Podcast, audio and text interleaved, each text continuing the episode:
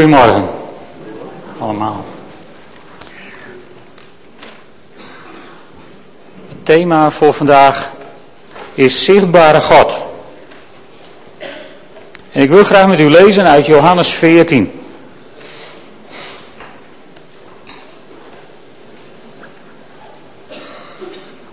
Johannes 14 vanaf vers 1.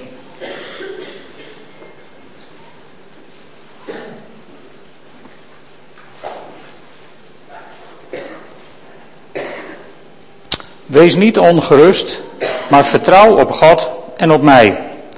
In het huis van mijn vader zijn vele kamers. Zou ik anders gezegd hebben dat ik een plaats voor jullie gereed zal maken? Wanneer ik een plaats voor jullie gereed gemaakt heb, kom ik terug. Dan zal ik jullie met me meenemen en dan zullen jullie zijn waar ik ben. Jullie kennen de weg naar waar ik heen ga. Toen zei Thomas, we weten niet eens waar u naartoe gaat. Hoe zou Heer, hoe zouden we dan de weg daarheen kunnen weten? Jezus zei, ik ben de weg, de waarheid en het leven. Niemand kan bij de Vader komen dan door mij. Als jullie mij kennen, zullen jullie ook mijn Vader kennen en vanaf nu kennen jullie hem, want jullie hebben hem zelf gezien. Daarop zei Filippus, laat ons de Vader zien, Heer, meer verlangen we niet.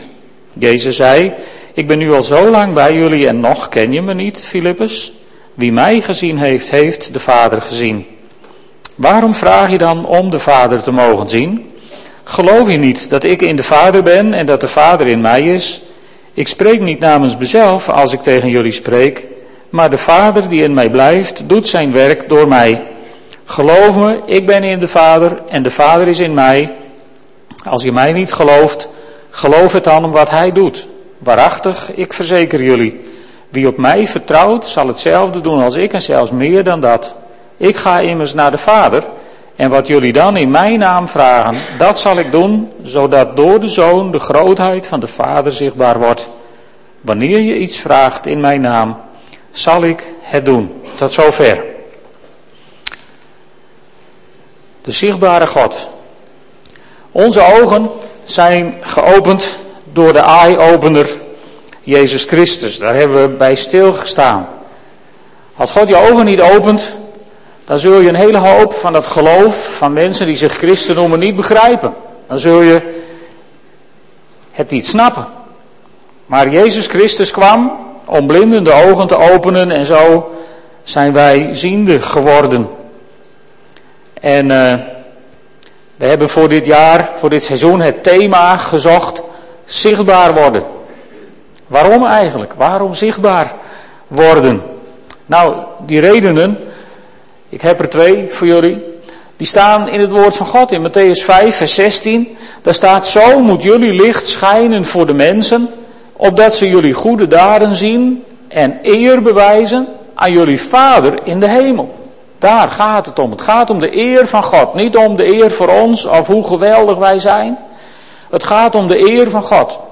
En in dit hoofdstuk wat we net hebben gelezen, dan zegt Jezus, en wat jullie in mijn naam vragen, dat zal ik doen, zodat door de Zoon de grootheid van de Vader zichtbaar wordt.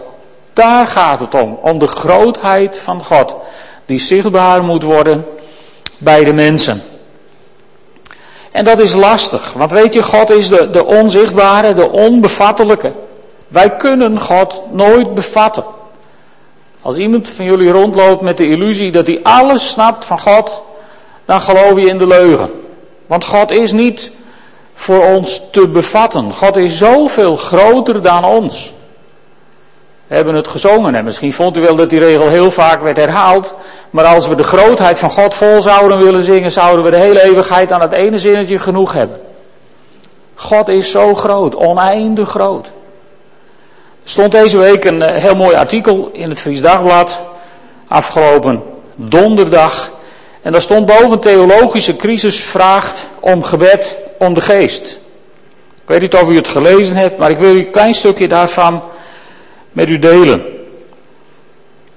Van professor Bram van de Beek, die afscheid nam van de Vrije Universiteit in Amsterdam. En daar schrijft hij onder andere, gaat hij in op deze vraag, waar ligt dan wel de vaste grond voor het huis van de theologie?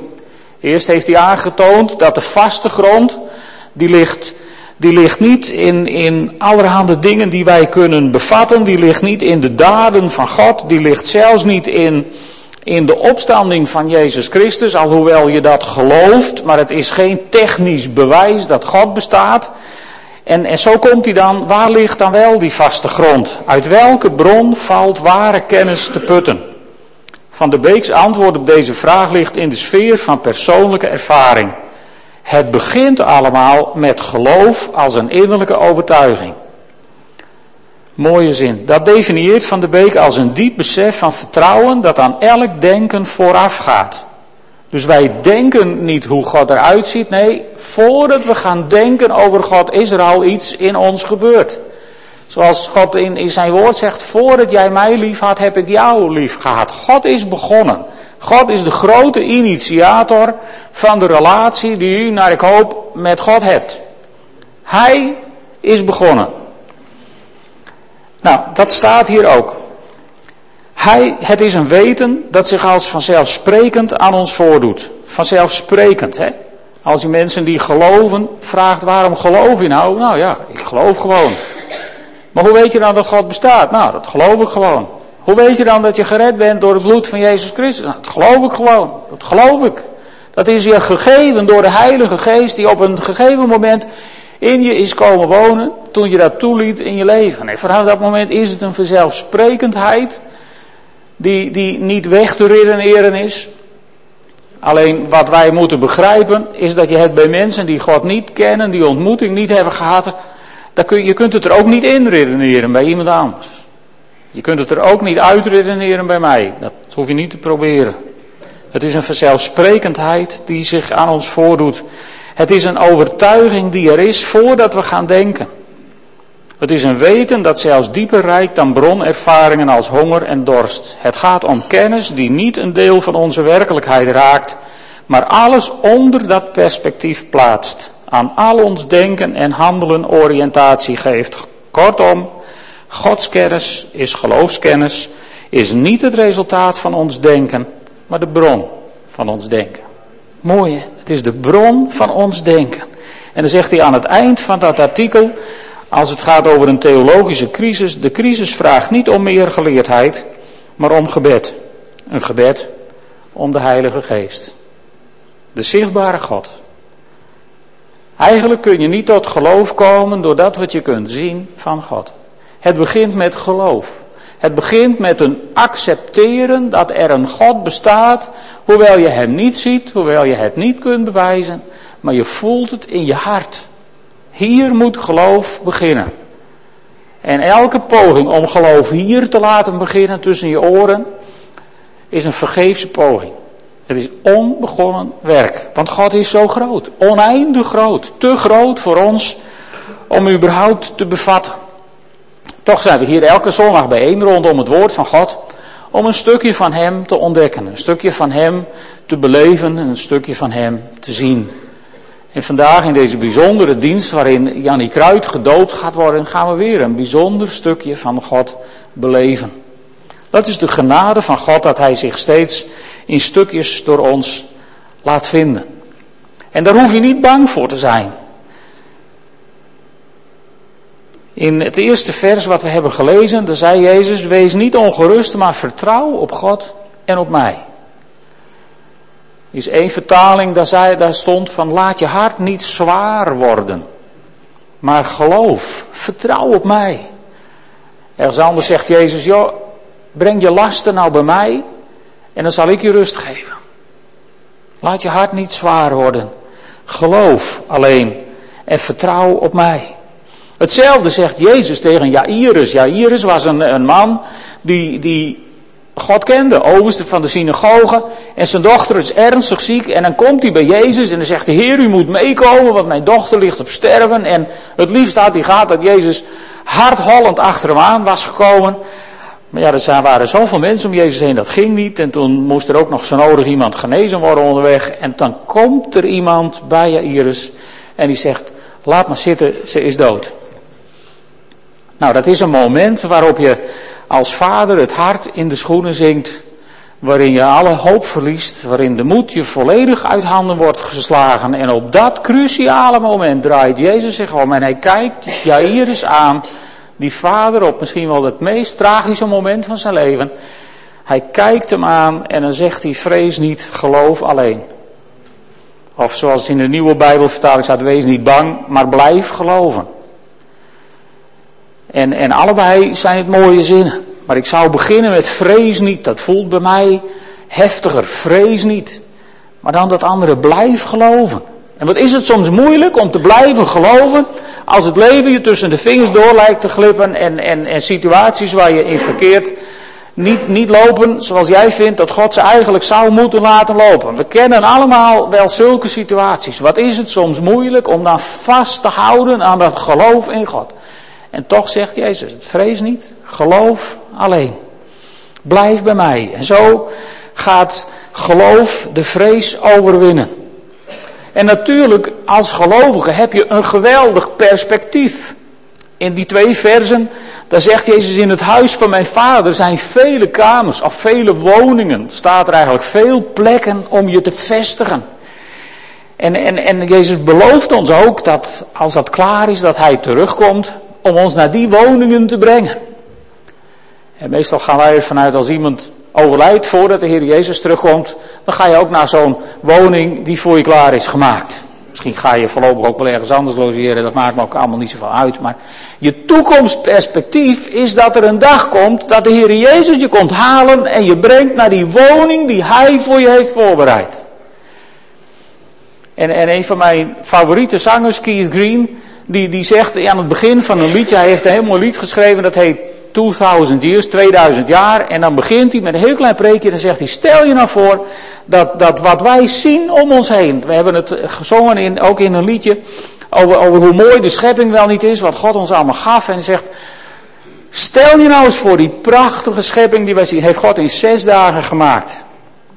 En zegt: En dat huis waar we straks heen gaan. Daar sleutelt hij al 2000 jaar aan.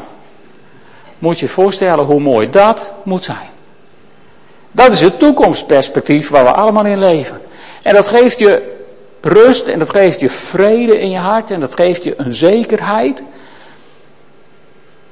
Maar het moet geen dooddoener worden om van dit korte stukje leven wat we hier op deze aarde hebben niet volop te genieten. Vrees niet, geloof alleen geldt voor het hier en het nu. We zijn onderweg, maar we zijn onderweg naar dat heerlijke moment waarop we Jezus van aangezicht tot aangezicht zullen ontmoeten. En nu kunnen we God misschien niet bevatten, maar dan zullen we Hem zien. Dan zullen we oog in oog staan, aanschouwen. En dan zal het geloven zeker weten worden. En als Jezus dat zo voorschotelt aan zijn discipelen, dan zijn er verschillende reacties.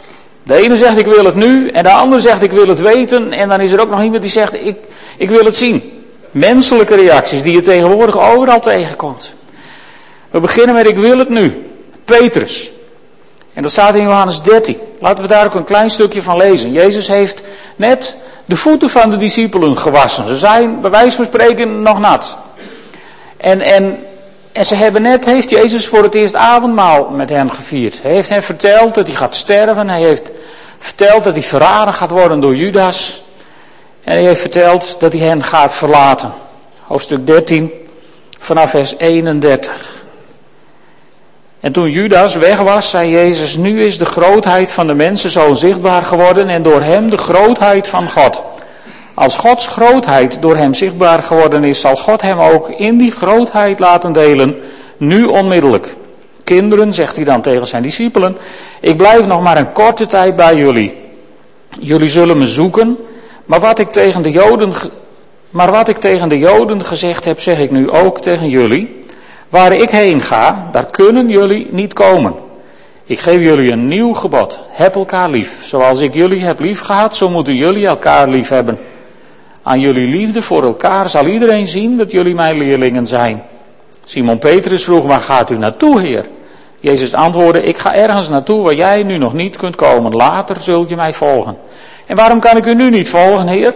Ik wil mijn leven voor u geven, zei Petrus. Maar Jezus zei, jij je leven voor mij geven? Waarachtig, ik verzeker je, nog voor de haan kraait, zul je mij driemaal verlogen. Weet je, Petrus wilde het nu. En Jezus maakt hem heel fijntjes duidelijk. Petrus, je bent er nog niet klaar voor. Het is nog niet de tijd. Soms willen wij het ook nu. Soms lijden mensen zo dat ze eigenlijk nu wel naar de Heer willen. Als we bij mijn moeder op visite zijn, die bijna 92 wordt en, en wiens aardse tent toch vergaand is afgebroken inmiddels, dan heeft ze het er vaak over. Voor mij hoeft het niet meer. Ik wil zo graag naar de Heer. En dan zit je daar en dan, ja, dan kom je eigenlijk maar tot één antwoord. Daar gaan wij niet over. Je zult moeten wachten tot het moment van de Heer daar is. We hebben natuurlijk tegenwoordig ook de technieken in huis om het allemaal zelf te regelen. Maar het zijn onze technieken niet. Ons leven is in de hand van God. Het begin en het einde zijn ook in de hand van God.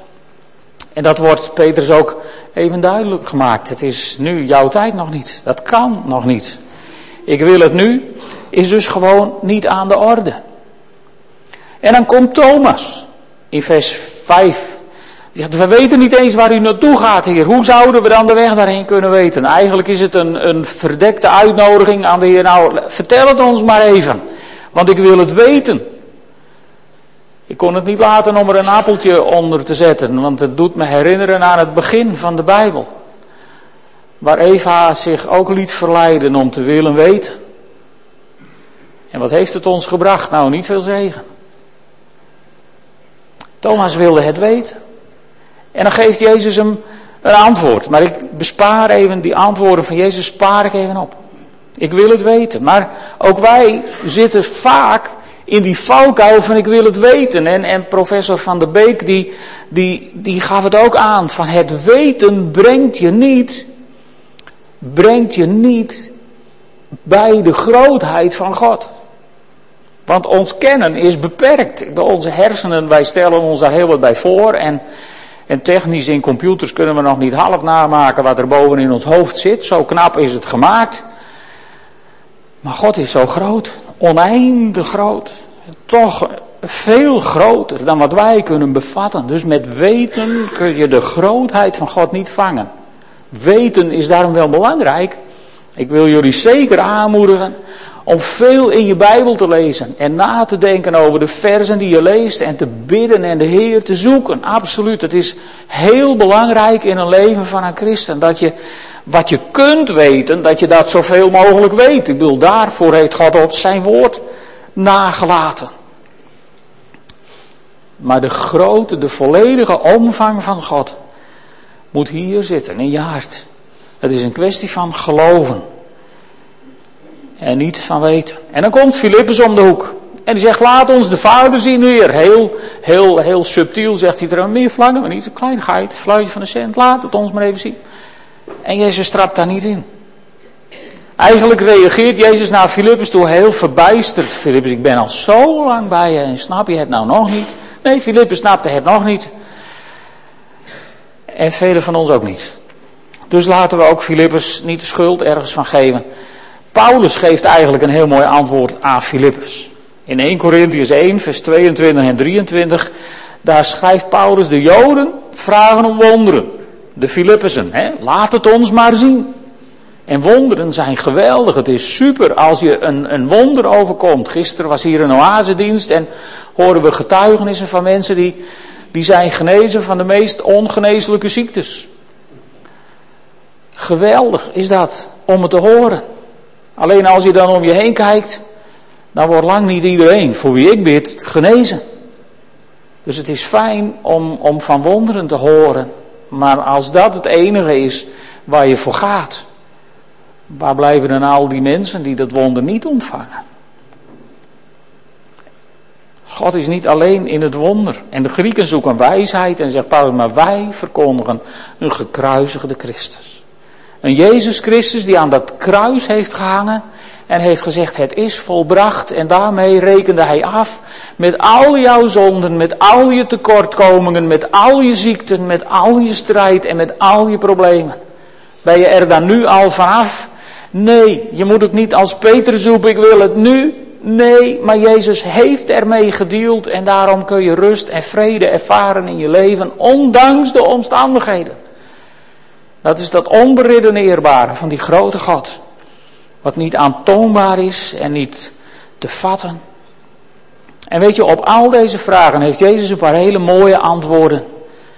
Om te beginnen zegt Jezus, ik ben de weg, de waarheid en het leven. Niemand komt tot de Vader dan door mij. Het typische is dat heel veel mensen daardoor zeggen, dan zijn we exclusivistisch. Ja, en? Zo exclusivistisch is het nou ook weer niet, want iedereen op deze aarde mag geloven. Het is niet voorbehouden aan een selecte groep, het is niemand verboden. Tenminste niet door God, wel door afgoden. Iedereen mag geloven. Ik ben de weg, de waarheid en het leven. Ja, maar wie Jezus dan niet kennen, daar, daar gaat het niet over. Dit gaat over de mensen die Jezus kennen. Die hebben Jezus Christus leren kennen als de weg, de waarheid en het leven. En Jezus zegt in vers 9 tegen Filippus, wie mij gezien heeft, Filippus heeft de Vader gezien. Wie mij ontmoet heeft, zou ik toch liever zeggen, heeft de Vader ontmoet. Als je een ontmoeting met Jezus Christus hebt gehad in je leven, heb je een ontmoeting gehad met de levende God in de hemel, met de schepper van hemel en aarde. Klopt dat technisch? Dat weet ik niet, interesseert me ook niet. Het is onbevattelijk. God is zo groot, oneindig groot. Als je Jezus hebt ontmoet, heb je een ontmoeting gehad met God. En als je een ontmoeting hebt gehad met God, dan zegt Jezus, wanneer jij iets vraagt in mijn naam, dan zal ik het doen. Vind ik zo mooi. Dat brengt me tot de volgende stelling. Als wij tot de Vader bidden in de naam van Jezus, komt Jezus in actie in de naam van de Vader. Met de autoriteit en met de kracht van God de Allerhoogste. Dit is ook wat Jezus ons heeft geleerd toen de discipelen zeiden, Heer leer ons bidden. Wat, leerde hij, wat zei hij toen? Toen zei hij, dan moet je als volgt bidden. En toen begon hij met onze Vader in de hemel. Dat is degene tot wie je gebeden gericht moeten worden als je strikt bijbels wilt bidden. En hier zegt Jezus, en als je tot de Vader bidt in mijn naam, daarom sluiten we toch ook eigenlijk altijd ons gebed af met in de naam van Jezus. Amen. Op grond van deze woorden van, van Jezus. En als wij tot de Vader bidden in de naam van Jezus, handelt Jezus in de naam van de Vader. En dan gebeuren er hele bijzondere dingen. Hele bijzondere dingen. En misschien denk je, wat heb ik dan allemaal verder nog nodig? Nou, eigenlijk niks. Want moet je eens opletten wat hier staat. Ik, ik ben in mijn eigen stille tijd aan het lezen in de brieven van Petrus. En af en toe kom je niet verder dan een vers. En daar denk je dan drie dagen over na. Elke keer lees je weer het vers. En dan denk je, wauw, wauw. Moet je kijken wat hier staat. Zijn goddelijke macht heeft ons alles geschonken wat nodig is voor een vroom leven. Door de kennis van Hem die ons geroepen heeft. Door zijn majesteit en wonderbaarlijke kracht. En ik wou jullie de Friese vertaling niet onthouden, want die lees ik gewoon zelf in stille tijd. En die is zo mooi. Want alles dat wij verlet van hebben om te libben, had zijn goddelijke macht u joent mij wij hem kennen mij. En, en verder ben ik van de week eigenlijk niet gekomen. Als je daarover nadenkt. Alles wat wij nodig hebben om vroom te leven, heeft zijn goddelijke macht ons gegeven doordat we Jezus mogen kennen. Vat je het enorme voorrecht wat hierin zit. Jezus kennen is geen verdienste. Jezus kennen is geen prestatie. Jezus kennen is genade van God uit de hemel. Wij mogen Jezus Christus leren kennen. En in het kennen van Jezus. Niet in het alles weten over Jezus, al hoe belangrijk dat is, maar in het kennen van Jezus, hier in je hart. In het kennen van Jezus heb je alles ontvangen wat nodig is om vroom te leven. Dat heet evangelie. Een blijde boodschap. Je hoeft geen professor te zijn. Je hoeft geen dokter te zijn, je hoeft zelfs geen HBO-denk- en werkniveau te hebben. Nee, je mag een heel eenvoudig mens zijn die zijn hart opent voor het kennen van Jezus Christus. En als je Jezus Christus hebt leren kennen, heb je alles in huis wat je nodig hebt, zegt Petrus hier in zijn woord. Is dat niet mooi? Dus als jij Jezus kent, dan heb je alles in huis. En als je Jezus niet kent, dan kun je Hem vandaag leren kennen en alles in huis krijgen. Dat heet evangelie. En als je zover bent gekomen, dan kom ik terug bij mijn thema, de zichtbare God. Als je Jezus hebt leren kennen, als jouw verlosser en zaligmaker, dan verander je zodat de Vader door jou zichtbaar wordt in deze wereld. En dan is er een stukje zichtbare God op deze aarde. Een stukje, een fractie. Want God is zo groot, oneindig groot. Maar als jij verandert door die ontmoeting met Jezus, wordt de Vader door jou heen zichtbaar. En dat gaan we vandaag ook heel tastbaar laten zien. Zometeen gaan we Jannie Kruid dopen. En ook in haar leven hebben we gezien dat dit de waarheid is, dit woord van God. Ik herinner me nog toen ik een e-mailtje kreeg van haar zoon, neem ik aan, dat hij op internet op zoek was geweest naar een passende kerk voor zijn moeder. En wij leken wel een passende kerk. Dus ik ben Jannie Kruid op bezoek in Rispingen. En daar zat ze. En ze zei, ik heb niet zoveel met het geloof, maar ik moet er zondags even uit. Ik dacht, nou, dat is een knap begin. En toen zei ze, ik wil niet gedwongen worden om aan het avondmaal te gaan. En ik wil ook niet praten over gedoopt worden. Ik zei, mevrouw, dan praten we daar niet over. U komt gewoon gezellig zondags bij ons. En dan komt het helemaal goed. Niet bevattend hoe profetisch die woorden waren. En zo kwam Jannie hier in de gemeente. Eerst met alle stekels overeind. Maar langzaam maar zeker ontdooide dat. En op een gegeven moment viel het me op dat ze met een van de zusters, met Jannie of Betty, ik weet niet meer met wie, maar met een van jullie kwam ze naar voren om toch eens mee te doen aan dat wonderlijke fenomeen wat wij avondmaal noemen. En ja, dat is levensgevaarlijk. Want in brood en wijn ontmoet je Jezus Christus. En er is kracht in het bloed van het lam. Ik zeg het bij elke avondmaalsdienst. En dat ging Jannie ook niet voorbij. Ze werd aangeraakt door de liefde van God in het avondmaal. En ik weet niet of het de eerste keer was of misschien een avondmaalsdienst later. Bij avondmaalsdiensten namelijk bidden we voor mensen die gebed nodig hebben. Toen kwam ze, ik dacht ook met een van, van met of Betty, met een van jullie kwam ze voor gebed. En wat kwam God toen om de hoek? Wat raakte hij haar aan? En de Heilige Geest kwam in haar wonen.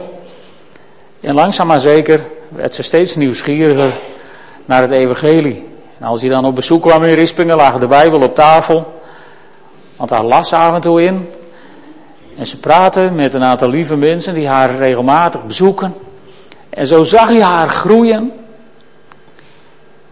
En toen kwam die nooit verwachte dag, een tijdje geleden, vlak na een doopdienst volgens mij, het Jannie zei, ik zou ook zo graag gedoopt willen worden. Maar, ik ga u niet helemaal uitvoerig inlichten over haar lichamelijke conditie. Maar het mogen duidelijk zijn dat een onderdompeling van Jannie Kruid, zoals wij gewoon zijn te dopen, voor Jannie Kruid niet gezond is. En wij geloven weliswaar dat we door de dood met Christus begraven worden en in een nieuw leven met hem weer opstaan. Maar zo letterlijk willen we dat met Jannie niet ondernemen.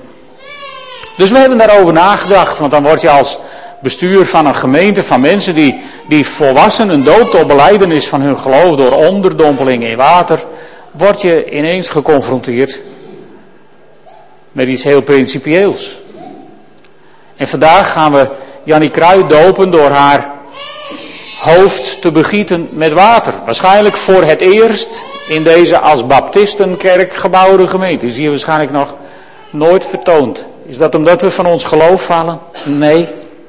Maar omdat we door de Heilige Geest zijn overtuigd van het feit dat Jezus een, een, een, man van genade was. Die zou zeggen, als het net kent, zou het mat, dan mat het maar, zou als het ken. Maar als deze ziel dichter bij Christus wil komen, dan gaan we dat oplossen, hoe dan ook. En dat gaan we doen vandaag.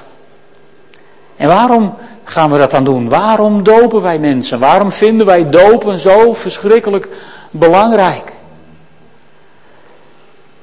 Dat antwoord is niet zo ingewikkeld.